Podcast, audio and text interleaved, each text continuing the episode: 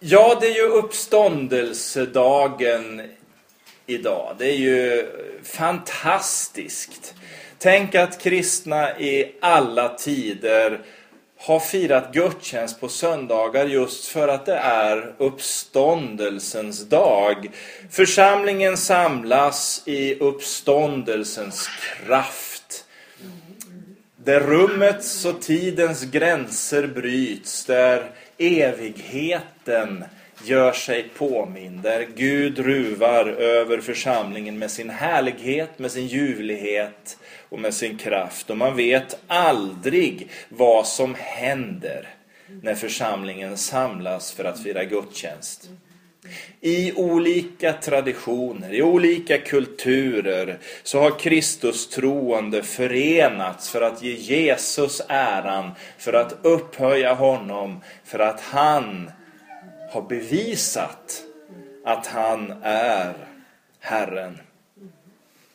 Idag tänker jag utgå ifrån en text i första Korintierbrevets femtonde kapitel när jag ska dela några tankar med dig. Och man brukar säga att de här två, tre verserna som jag kommer att läsa på något sätt sammanfattar den urkristna kyrkans bekännelse. Här har vi ett koncentrat av vad den kristna tron i grunden handlar om. Första Korintierbrevet kapitel 15, vers 3 och 4. Det säger Paulus. Jag meddelade er det allra viktigaste, vad jag själv hade tagit emot, att Kristus dog för våra synder enligt skrifterna, att han blev begravd och att han uppstod på den tredje dagen enligt skrifterna. Och där gör vi vågen av ren och pur glädje över det här evangeliet. Jag meddelade er, säger Paulus, det allra viktigaste. Vad jag själv har tagit emot. Att Kristus dog för våra synder enligt skrifterna, att han blev begravd och att han uppstod på den tredje dagen enligt skrifterna. Vi ber. Herre, jag prisar och lovar dig för att det här är den största av alla sanningar. Jag tackar dig Fader för att vi får samlas här i uppståndelsens kraft den här söndagen. Tack att vi på nytt får påminna oss om vem du är, vad du har gjort och vad du vill ge oss. Din är äran och makten i evigheternas evigheter. Amen.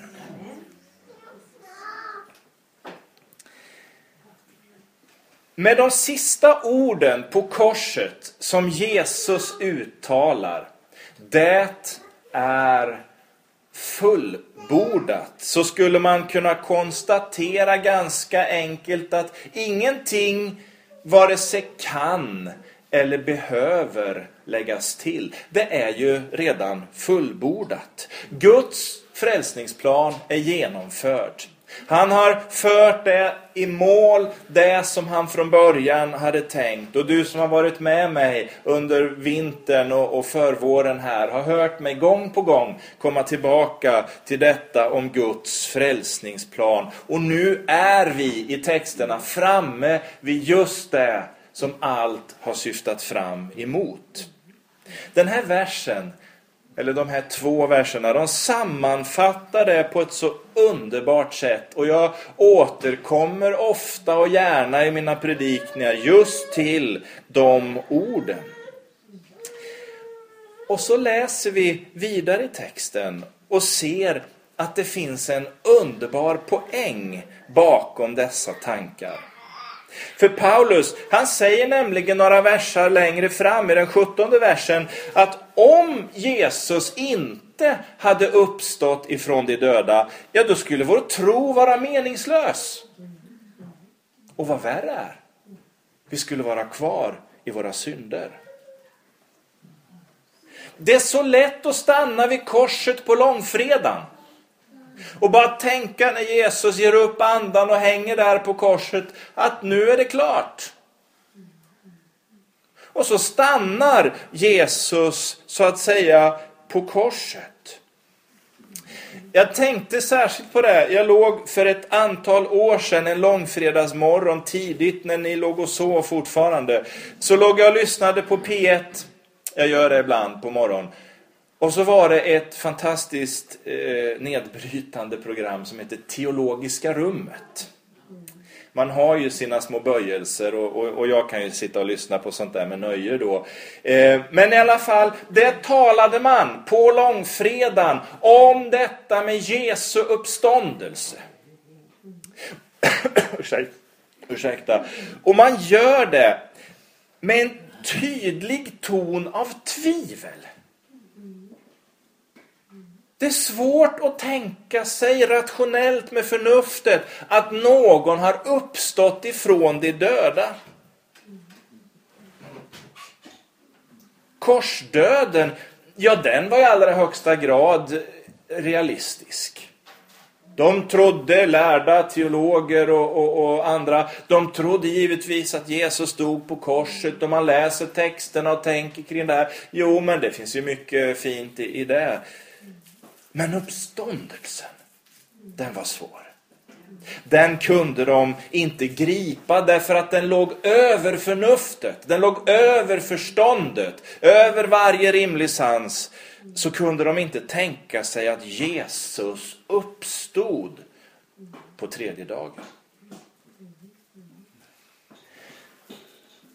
En teolog som har blivit väldigt viktig inte minst för de svenska kyrkoledarna i de här sista 20 åren.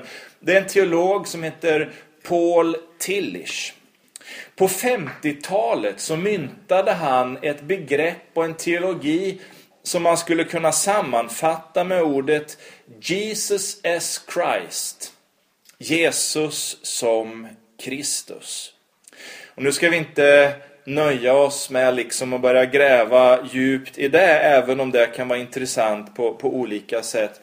Men jag vill ändå nämna det här därför att det har präglat det offentliga teologiska samtalet och den offentliga förkunnelsen i vår tid.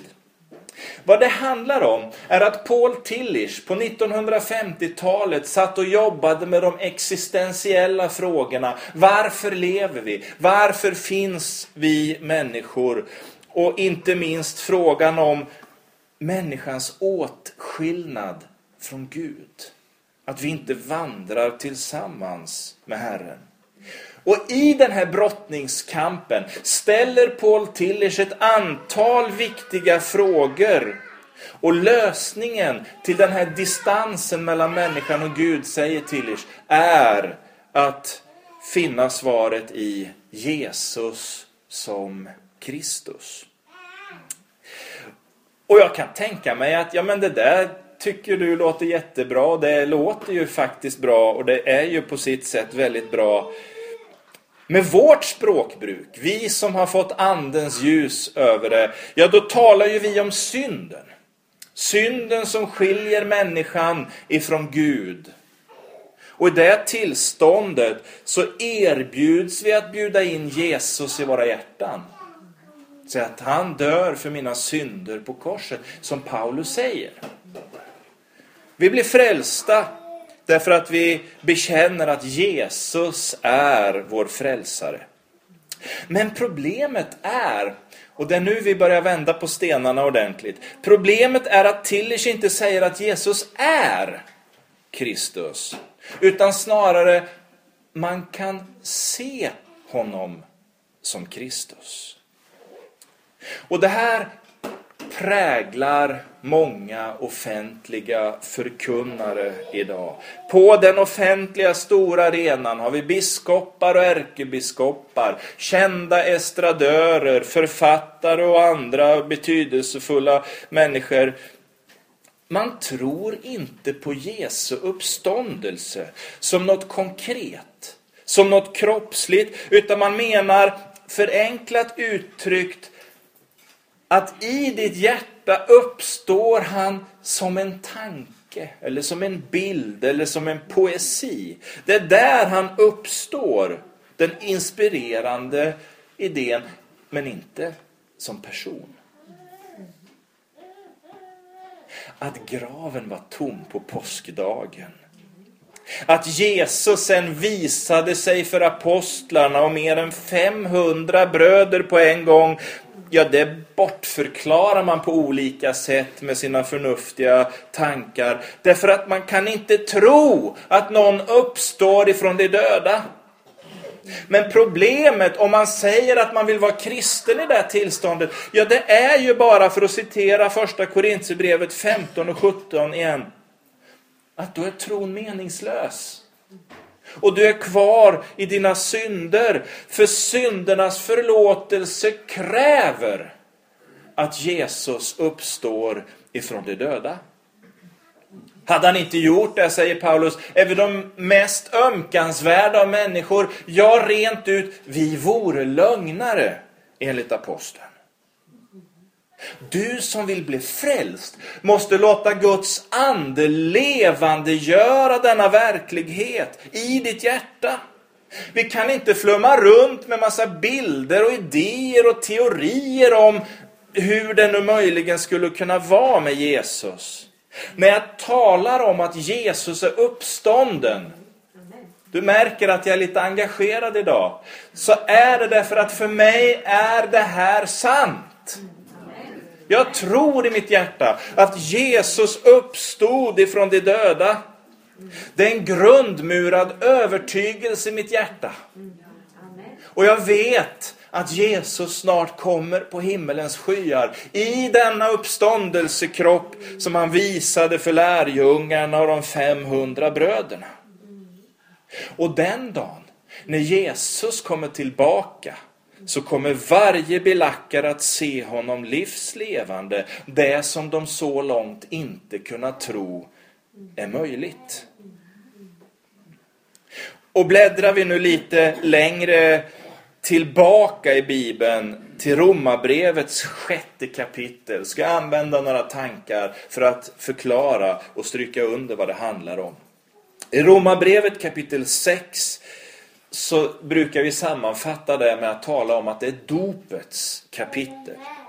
I vers 9 och 10 så skriver Paulus följande.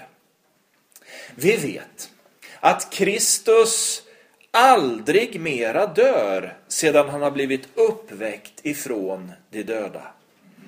Döden har inte längre någon makt över honom, ty hans död var en död från synden en gång för alla. Men det liv han lever, det lever han för Gud. Grundproblemet, det är för oss människor att synden gör det omöjligt att ha gemenskap med Gud. Syndens lön är döden, skriver aposteln Paulus. Och han säger också att alla har syndat, du och jag och ärkebiskopar och estradörer och andra människor också. Alla har syndat och saknar härligheten ifrån Gud. Jesus själv säger ju, om vi vänder på tanken att den som tror på honom inte ska gå förlorad utan ha evigt liv i himlen. Vi vet alltså att döden har Gud satt upp som en gräns mellan sig och synden. Och det kan vi behöva påminna oss om med jämna mellanrum. För det kan vara lätt att tro att Gud skulle ha något slags problem med oss människor. Men så är det ju inte. Genom syndafallet har han löst alla de här problemen. Vi fortsätter i Romarbrevet, nu i femte kapitlet och den tolfte versen. Det säger Paulus att genom en enda människa kom denna synd in i världen. Och genom synden döden och så kom döden över alla människor eftersom alla har syndat. Ingen av oss kan sitta här och tänka att ja men det där gäller inte mig. Jo det gäller oss alla. Alla har syndat. Alla vet vi bara en säker sak om framtiden och det är att vi en dag ska dö. Förhoppningsvis kan det dröja en tid så vi hinner att vittna för många. Men vi kan planera annat. Men bara ett vet vi säkert, att vi kommer att dö. Denna död fick herravälde genom Adam och hans fall. Alla har vi fått fördömelse för det. Hans olydnad har gjort dig och mig till syndare. Och det är den synden som Gud vill komma åt och förgöra. Och nu blir det riktigt intressant. Tänk, tänk hur vi människor fungerar. Om vi tittar oss omkring och funderar på hur människor på olika sätt försöker att övervinna denna död. Och jag tänker inte då på de här stora forskarprojekten och, och, och, sånt där som ligger långt bort utan vi kan ju ta det lite närmare och se hur man försöker dölja sitt åldrande genom skönhetsoperationer.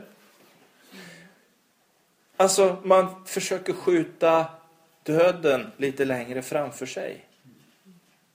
Ja, vi, vi, kan hitta många exempel som visar att vi kanske också i vardagen på olika sätt har det där malande bak i huvudet. Men de här sakerna blir bara ett vittnesbörd om syndens natur. Vi kan inte säga att det bara är Adam och Eva som förkroppsligar syndafallet. Därför att vi ser på område efter område hur människan försöker klara sig utan Gud. Att göra sig av med Gud och själv säga underförstått, jag behöver inte Gud, det är jag som är Gud. Det är jag som sitter på tronen. Så vi kommer inte ifrån utgångsläget. Alla är vi syndare och därför har vi egentligen ingen annan framtid än döden att vänta oss.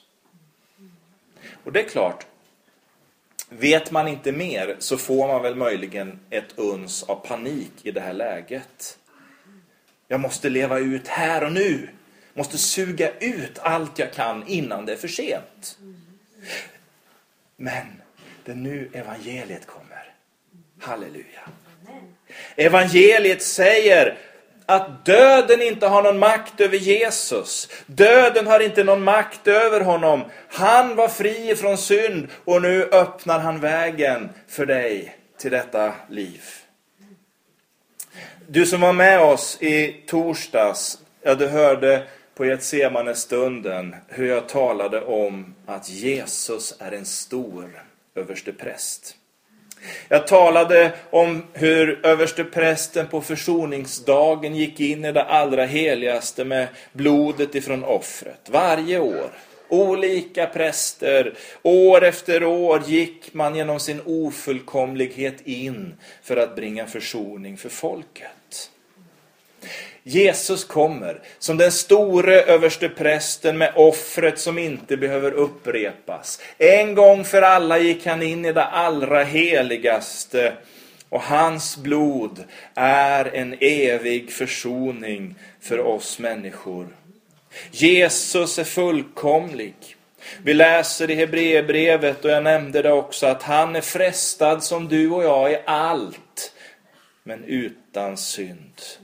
Och därför säger Paulus de ord i Romarbrevet 6 som jag nyss läste. Vi vet att Kristus aldrig mer dör sedan han blivit uppväckt från de döda. Döden har inte någon makt över honom, ty hans död var en död från synden en gång för alla, men det liv han lever, det lever han för Gud. Hans död från synden en gång för alla. Jag började i första Korintierbrevet 15 med orden att Jesus dog för våra synder han uppstod på tredje dagen. Och ser vi på hela sammanhanget i Romarbrevs sjätte kapitel så talar Paulus om samma sak. Men han talar om det i ett steg längre. Därför att han säger hur du ska få del av denna sanning. Ja, hur då, tänker du? Jo, genom dopet. Dopet är det centrala. Det blir ytterligare ett vittnesbörd om människans avfall när man även i våra sammanhang, i pingst och baptistsammanhang, på något sätt börjar välkomna barnbegjutna människor på ett sätt som får oss att förstå att enligt den baptistiska traditionen så är inte dopet så viktigt längre. Någonting perifert, en tradition kanske, men man gör avkall på sin djupa tro. Men den som läser Paulus och den som kan sin Paulus, han vet ju att han talar om dopet på ett sätt så att vi kan omöjligt ta det bort från frälsningsordningen. Det är så centralt att vi kan inte komma runt tanken. Därför blir konsekvensen att den plats där man tonar ner frågan om dopet gör att man också börjar resa hinder för människor att få gemenskap med Gud. Man har en intention som är god, givetvis att människor ska få lätt att möta Gud. Romarbrevet 6 och 7. Den som är död är friad från synd. Och här säger Paulus koncentrerat vad jag har talat om så här långt. Den som är död är friad ifrån synd. Och i fjärde versen säger han att vi är genom dopet till döden begravda med honom för att vi också ska leva det nya livet liksom Kristus uppväcktes ifrån de döda genom Faderns härlighet. Han drar ihop alla trådar. Är du med? Är vi förenade med honom genom en död som hans så ska vi också vara förenade med honom genom en uppståndelse som hans. Synden besegras i döden och den åttonde versen där säger Paulus ännu en gång att vi tillsammans med Jesus dör för att vi också ska uppstå till det nya livet. Förstår du vad det är Jesus gör för oss? Och förstår du vad ofrånkomligt dopet utifrån den här bekännelsen är?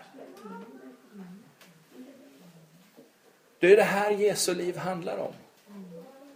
Hur han i sin fullkomlighet avrättas på korset. För att vi genom tron på honom ska få gemenskap med Gud.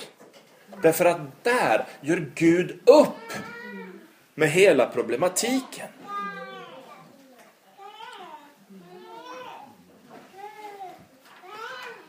I Kolosserbrevet säger Paulus I Jesus är ni omskurna.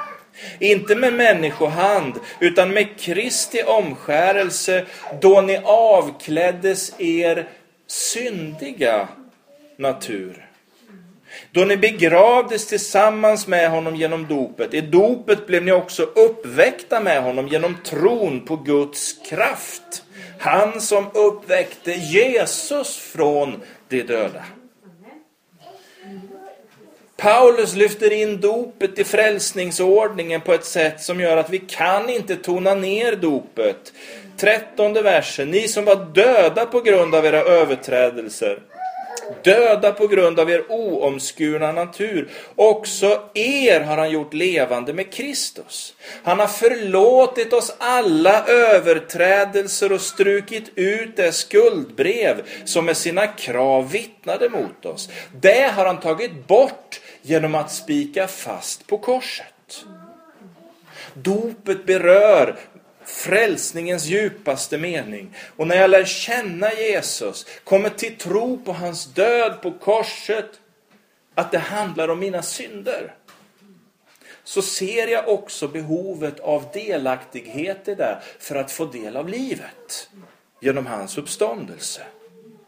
Det är då jag kommer till församlingen och säger, jag måste få döpas till Kristus för att bli försonad med Gud.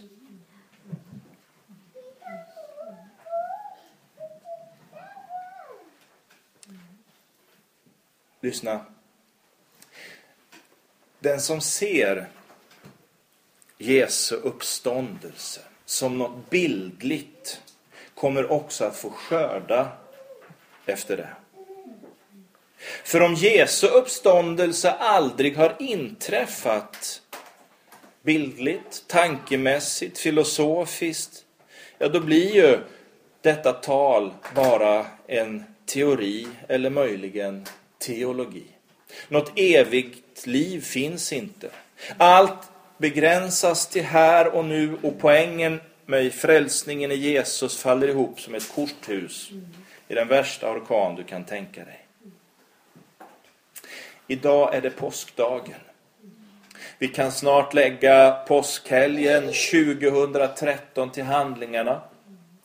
Vi har minnen från denna helgen av gudstjänster, av gemenskap med nära och kära, härliga påskbufféer och kanske ett och annat godisägg för mycket. Med stor tacksamhet så kan vi lägga allt det här bakom oss. Samtidigt som vi också ser uppståndelsens kraft, hur den fortfarande verkar ibland oss människor.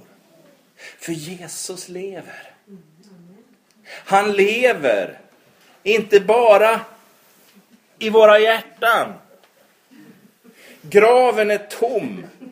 Och Jesus, han har stigit upp till himlen i väntan på att en dag få komma tillbaka och hämta alla de som tror på honom.